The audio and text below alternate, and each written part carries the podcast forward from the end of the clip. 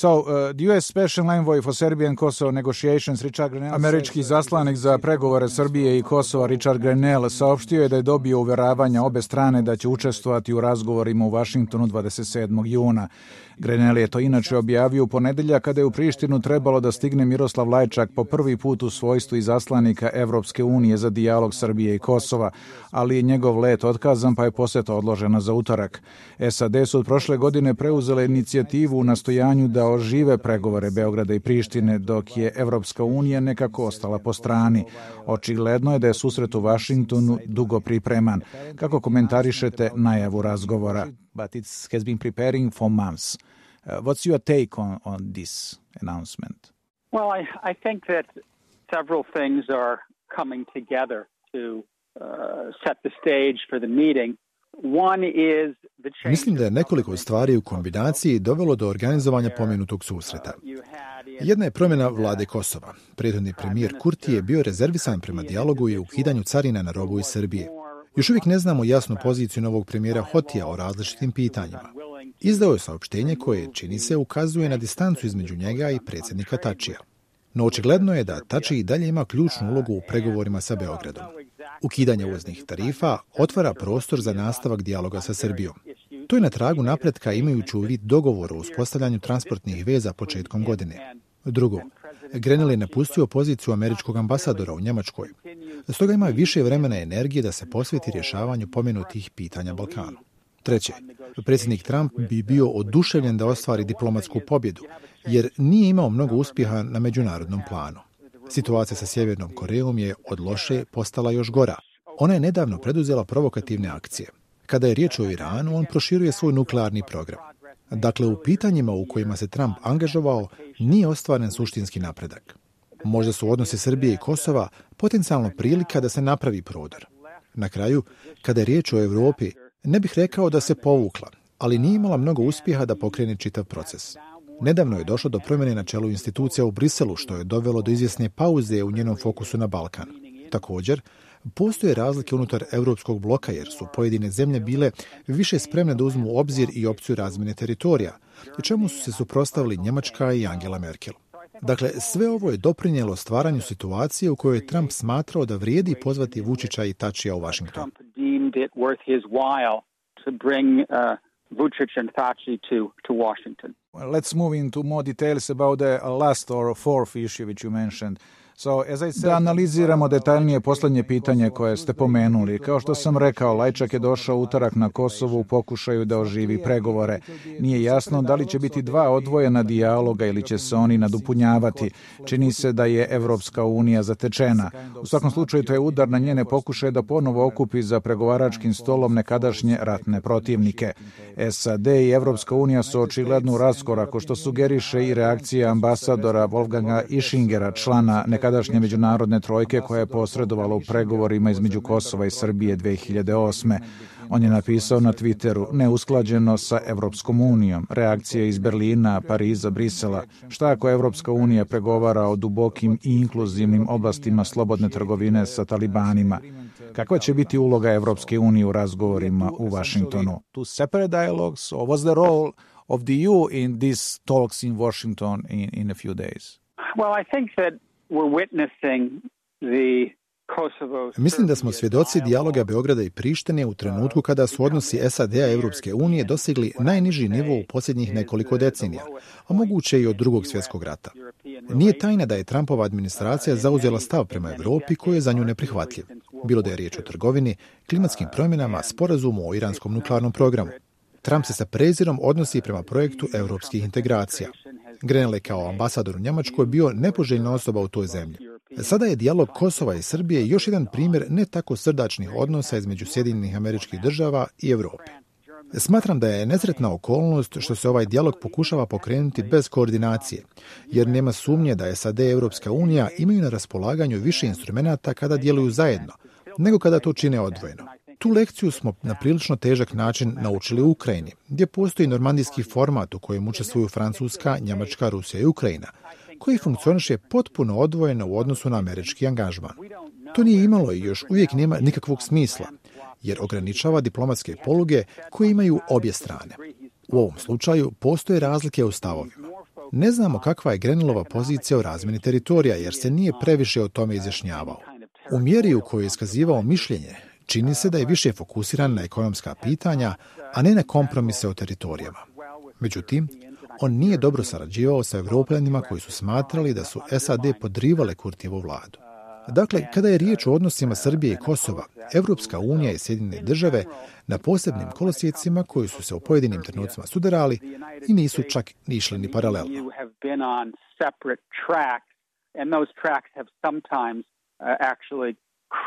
Not even run in parallel. Uh, but what the talks uh, uh, themselves could, uh, can produce in Washington, Grenell said that... Šta može biti ishodište razgovora? Grenell je kazao da je od vlada Kosova i Srbije dobio uveravanja da će privremeno zaustaviti kampanju za povlačenje priznanja, odnosno traženje članstva Kosova u međunarodnim organizacijama. Da li je realno očekivati da se Beograd i Priština odreknu tih poluga imajući u vidu višegodišnje negativno iskustvo u oprečnom tumačenju Briselskog sporazuma? Interpretations of the Brussels Agreement I would be very surprised if we come out of the Bio bih veoma iznenađen ukoliko susret u Washingtonu rezultira nekom vrstom sporazuma. Takvi diplomatski uspjesi se obično ne ostvaruju preko noći. To posebno važi za slučajeve kao što su odnosi Kosova i Srbije gdje je nužno da se uradi mnogo toga na terenu, kod kuće, u smislu pripreme svog javnog mijenja, angažovanja parlamenta, stvaranja domaće podrške za sporazum. Stoga smatram da će ovaj sastanak biti više usredređen na utvrđivanje dinamike i pokretanja procesa, ali vidjet ćemo. Mislim da je mudro što Amerika koristi priliku imajući u vidu formiranje nove vlade u Prištini, poboljšanje situacije oko trgovine. Sada vidimo spremnost Beograda da uzvrati obustavljanjem kampanje za povlačenje nezavisnosti Kosova. Tako se generalno privode kraju dugogodišnja rivalstva kada obje strane signaliziraju jedna drugoj da su spremne na sporazum. Kao što sam rekao, iz onoga što je izjavio Grenell, oni želi da se više fokusiraju na ekonomske veze nego na političke kompromise. To bi bilo u skladu sa pristupom Trumpove administracije palestinsko-izraelskom sukobu. U najmanju ruku na početku naglasak je na pomoći palestincima i stvaranju privrednih okolnosti koje bi olakšale uspostavljanje mira. U slučaju Srbije i Kosova mislim da je pristup da se poboljša ekonomska situacija, da se građanima omoguće dobro plaćeni poslovi. Kada se to ostvari, onda će možda biti lakše da se postigne politički dogovor.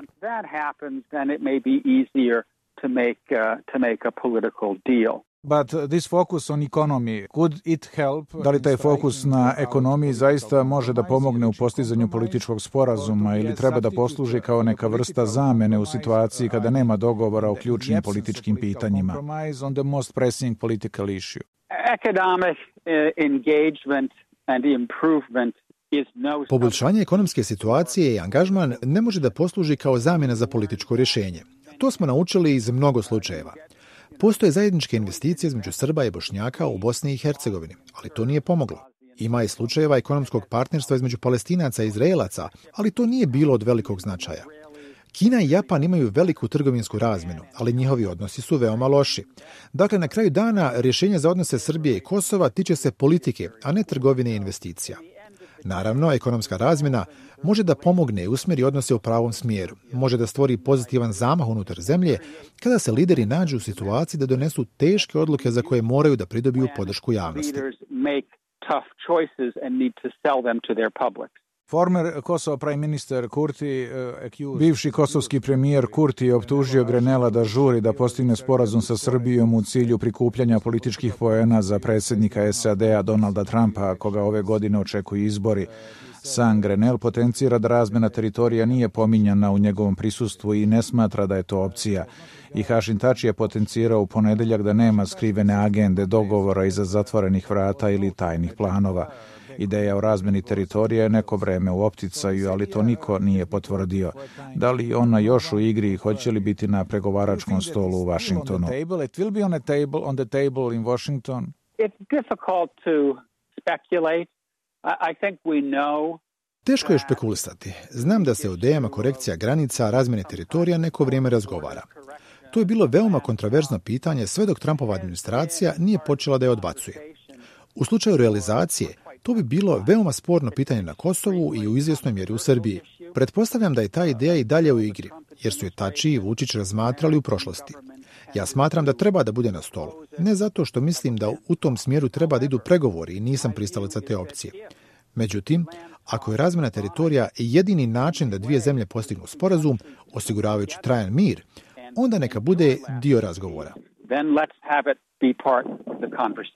You said that you don't expect uh, uh something, uh, uh, rekli ste da ne očekujete opipljiv rezultat u predstojećim razgovorima. Zašto se onda sreću u Vašingtonu? Da li je samo reč o simboličnom gestu da bi se pokazalo da je američka administracija efikasnija od Brisela u dovođenju dve strane za pregovarački sto? Da li će Grenell predsedavati skupom ili se može očekivati pojavljivanje nekog od najviših američkih zvaničnika, čak i samog Trumpa, makar u cilju medijske promocije? Media opportunity? Uh, I think we, we don't we don't yet know the exact contours of the meeting. Um, ne znamo još tačan okvir sastanka, zatim ishod. Mislim da to niko ne zna. Moguće je da nas učesnici iznenade i pojave se sa obrisima sporazuma. Smatram da se za razliku od nekih drugih skupova, ovaj neko vrijeme pripremao na terenu. Grenell je već neko vrijeme uključen i ostvario izvjesne uspjehe kao što je dogovor o uspostavljanju vazdušnog saobraćaja između Beograda i Prištine. To nije kao u slučaju iznenadnog angažmana Trumpa i njegovih najbližih saradnika u razgovorima sa Kim Jong-unom bez unaprijed utvrđenog dnevnog reda. Dakle, u slučaju Srbije i Kosova neko vrijeme traju pripreme i zato se može očekivati izvjestan napredak u razgovorima u Vašingtonu. Sumnjam da bi se ovom skupu dao takav značaj da makar ne postoji nada da se može ostvariti značajan napredak.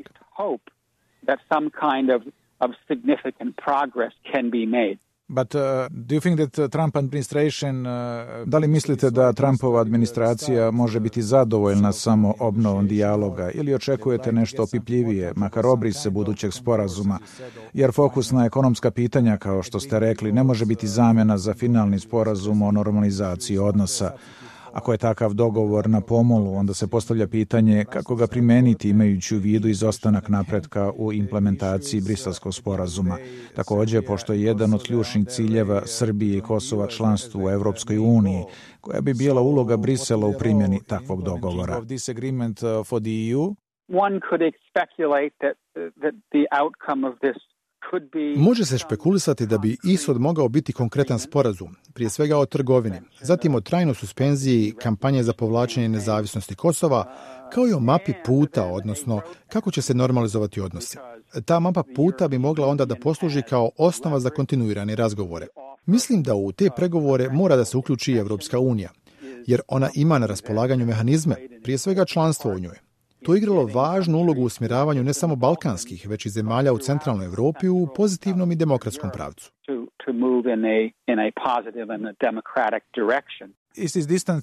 Da li je to daleka budućnost? Kao što sam rekao, briselski sporazum je potpisan 2013. godine, a malo šta od njega je primenjeno. Nažalost, ostao je uglavnom na papiru. Da, to je tačno. Zbog toga bih bio iznenađen ukoliko se na ovom skupu u Vašingtonu postigne potpuni sporazum, jer je riječ o veoma teškom političkom pitanju. Činjenica da briselski sporazum uglavnom nije primjenjen sugeriše da predstoji još teškog posla. Apparently uh, for both uh, Tači and Vučić Očigledno je da su i Tači i Vučić skloni dijalogu pod pokroviteljstvom SAD-a nego Evropske unije, svako iz svojih razloga. Kada je reč o Srbiji, ona se nada da dobije makar neki ustupak u cilju očuvanja nacionalnog dostojanstva u slučaju priznanja nezavisnosti Kosova. Vučić je izjavio da je važno da u tuči slonova, kako je nazvao, ostanemo nepovređeni, imajući u vidu razlike između sad i Nemačke. On je dodao da će se sastati sa Lajčakom nakon izbora u Srbiji. Kazao je da nećemo da se bijemo sa Nemačkom i Amerikom. Kako tumačite njegovu izjavu? Germany or America? So how you read his statement? I think that his statement makes a lot of sense. Mislim da je to veoma razuman stav. Ni Kosovu, niti Srbiji nije u interesu da biraju strane između slonova. Kao što smo već pomenuli, sada su veoma komplikovani odnosi između SAD-a i Europske unije i mnoge zemlje nastoje da izbjegnu da se nađu u nakrsnoj vatri. Put u Washington je važan, ali izaziva izvjesnu zabrinutost u Europi. No ja ne mislim da je to potez kojim će Brisel biti trajno ostavljen po strani. Mislim da će se Europska unija kontinuirano i snažno diplomatski angažovati u pregovorima Prištine i Beograda. But, uh, uh Mr. Tači Međutim, Tači je nakon imenovanja Lajčaka izjavio da nema o čemu sa njim da razgovara. Očigledno je da je Kosovo nezadovoljno uskraćivanjem vizne liberalizacije za putovanja u evropske zemlje. Na kraju se ipak utorak sastao sa njim. Kao što sam pomenuo u prethodnom pitanju, čini se da su i Tači i Vučić naklonjeniji posredovanju SAD-a nego Evropske unije. There was also some, some talk bilo je priča i da Tači ne želi da se sretne sa Lajčakom, jer dolazi iz Slovačke koja nije priznala Kosovo. Čini mi se da je to imalo za cilj da ostavi utisak na javnost. Lajčak je iskusni i profesionalni diplomata koji zna šta radi. Stoga je u interesu i Beograda i Prištine da blisko sarađuju sa njim i Evropskom unijom. Tačno je da obje strane sada naginju Vašingtonu, koji predvodi ovaj proces. Međutim, vjerovatan je i zaokret ka Evropi iz jednostavnog razloga jer je Balkan njen dio i teži članstvo u Evropskoj uniji kao krajnjem cilju. Stoga Evropska unija mora da bude dio ove jednačine. But, uh, uh, is it just time coincidence or... Međutim, da li se radi samo o vremenskoj koincidenciji, jer za ponedeljak je bio predviđen dolazak Lajčaka u Prištinu. Istoga dana Greneli objavio vest o skupu u Vašingtonu. Također u ponedeljak Vučić je razgovarao sa ruskim predsjednikom Vladimirom Putinom o prestojećem susretu u američkoj prestonici. Inače, Vučić će nakon izbora u Srbiji otputovati u Moskvu 24. juna na paradu povodom Dana pobede. Očigledno računa na podršku Rusije kao neku vrstu osiguranja. Support and assurance from Russia. Vučić has always tried to hedge his bet and Vučić je uvijek balansirao težući da očuva bliske odnose sa Rusijom. Moskva istovremeno nastoji da zadrži uporište na Balkanu. Znamo za njenu kampanju u Crnoj Gori prije nego što je postala članica NATO-a, također u Sjevernoj Makedoniji i Grčkoj u oči sporazuma o imenu. Vučić je veoma vješt u obraćanju različitim publikama. Bilo da se prikaže kao proevropski političar, zatim da naginje Putinu ili da je proamerički orijentisan. U svim slučajevima on to radi veoma dobro. To je jedan od njegovih aduta kao političara. Coming back to, to the position of Trump administration, so uh, you mentioned, we mentioned several times... Da se vratimo poziciji Trumpove administracije. Kritičari tvrde da želi po svaku cenu da izdejstvuje mirovni sporazum Beograda i Prištine kao adut na prestojećim predsjedničkim izborima. Međutim, istorija predsjedničkih izbora u SAD-u, barem od drugog svjetskog rata, pokazuje da međunarodna pitanja ne igraju ključnu ulogu u opredeljivanju američkih birača, već domaća. Najupečatljiviji je primjer Georgea Busha starijeg, u čijem mandatu je okončan hladni rat. Izdejstvovao je rezoluciju Saveta bezbednosti, kojom je podržana intervencija protiv iračkog lidera Sadama Huseina 1991. Međutim, izgubio je izbor od Bila Clintona zbog domaćih ekonomskih problema.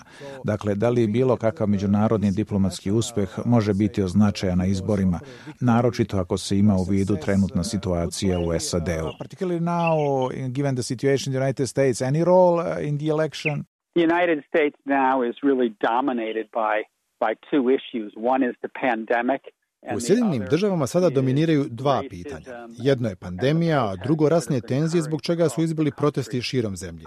Ona će biti ključna i do predsjedničkih izbora u novembru. Spoljna politika će vjerovatno privući izvjesnu pažnju, ali ne preveliku. Mislim da Trump može da iskoristi nešto kako bi pokazao da je odličan pregovarač i u stanju da izdistvuje sporazum. U ovom trenutku ne raspolaže sa takvim adutom i zato možda gleda na odnose Srbije i Kosova kao na priliku. Međutim, čak i ako uspije da isposluje dogovor Beograda i Prištine, to će imati skroman, a možda i nikakav utjecaj na ishod predsjedničkih izbora u novembru. Da budemo iskreni, prilično neobičajno za Trumpovu administraciju da bude angažovana na ovaj način kao u slučaju Beograda i Prištine. Sjedine države su se distancirale od Europe, nastoje da se izvuku iz Afganistana i Sirije, zatim po strane su zbivanja u Libiji. Dakle, ovaj angažman na Balkanu je u suprotnosti sa ovim trendovima. Možda je razlog što Trumpova administracija smatra da ovo pitanje ima potencijal za ostvarivanje uspjeha.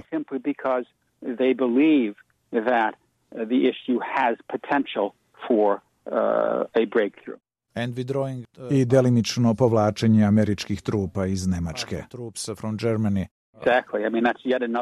Tačno.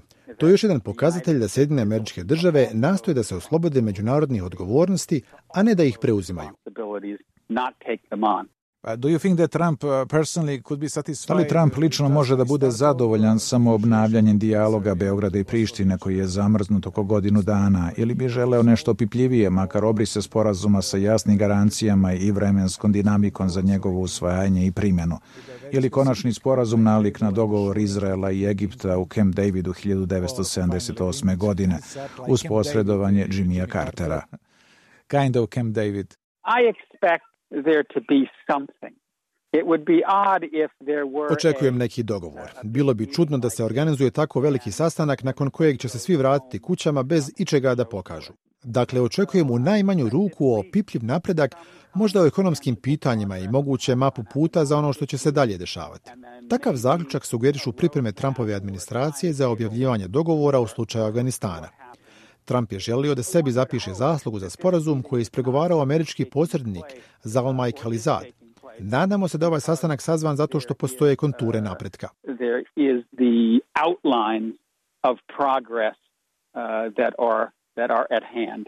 You mentioned that uh, any kind of progress or deal... Uh, Kazali ste da čak i ako Beograd i Priština postignu neki opipljiviji sporazum, to neće igrati važnu ulogu na američkim predsjedničkim izborima. Ovih meseci pojedini članovi kongresa iz demokratske stranke optužili su Trumpovu administraciju da stoji iza obaranja Kurtijeve vlade. Mirovni sporazum u BiH i okončanje rata na Kosovu u SAD-u su smatrani uspešnim modelima koje je nastojala da primjeni u drugim delovima sveta. Stoga ističu da pokušaj Trumpove administracije da izdejstvuje novi sporazum Beograda i Prištine može dovesti u pitanje to što je ostvareno 1990. godina. As an attempt uh, to, to reverse what was the achievement from the 1990s. I don't think that that, that, that logic really Ne mislim da je ta logika u igri. Mnogi Amerikanci su zaboravili na Dejtonski sporazum i krvi i raspad bivše Jugoslavije. Iskreno rečeno, mnogi Amerikanci ne znaju ni gdje su Srbija i Kosovo. Dakle, to nije relevantno pitanje. Da je ostvaren napredak u pregovorima sa Sjevernom Korejom i Iranom, to bi bilo veoma važno, jer te zemlje imaju nuklearni program i nalaze se u udarnim vijestima. Dijalog Beograda i Prištine prate samo specijalisti poput mene, stoga neće imati velikog utjecaja na izbore u novembru, čak i ako se postigne opipljiviji napredak.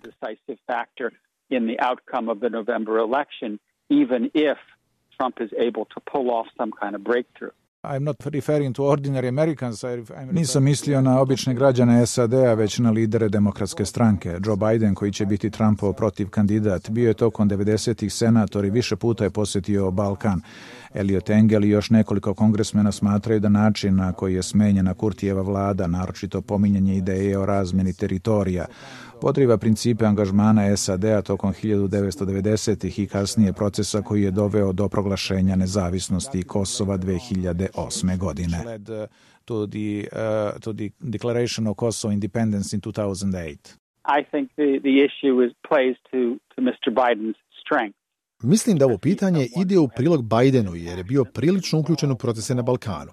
Pri kraju mandata kao potpredsjednik Sjedinjenih država bio je u Beogradu i Prištini. Dakle, u mjeri u kojoj bude važno, pomenuto pitanje će mu ići u prilog, a neće mu odmagati.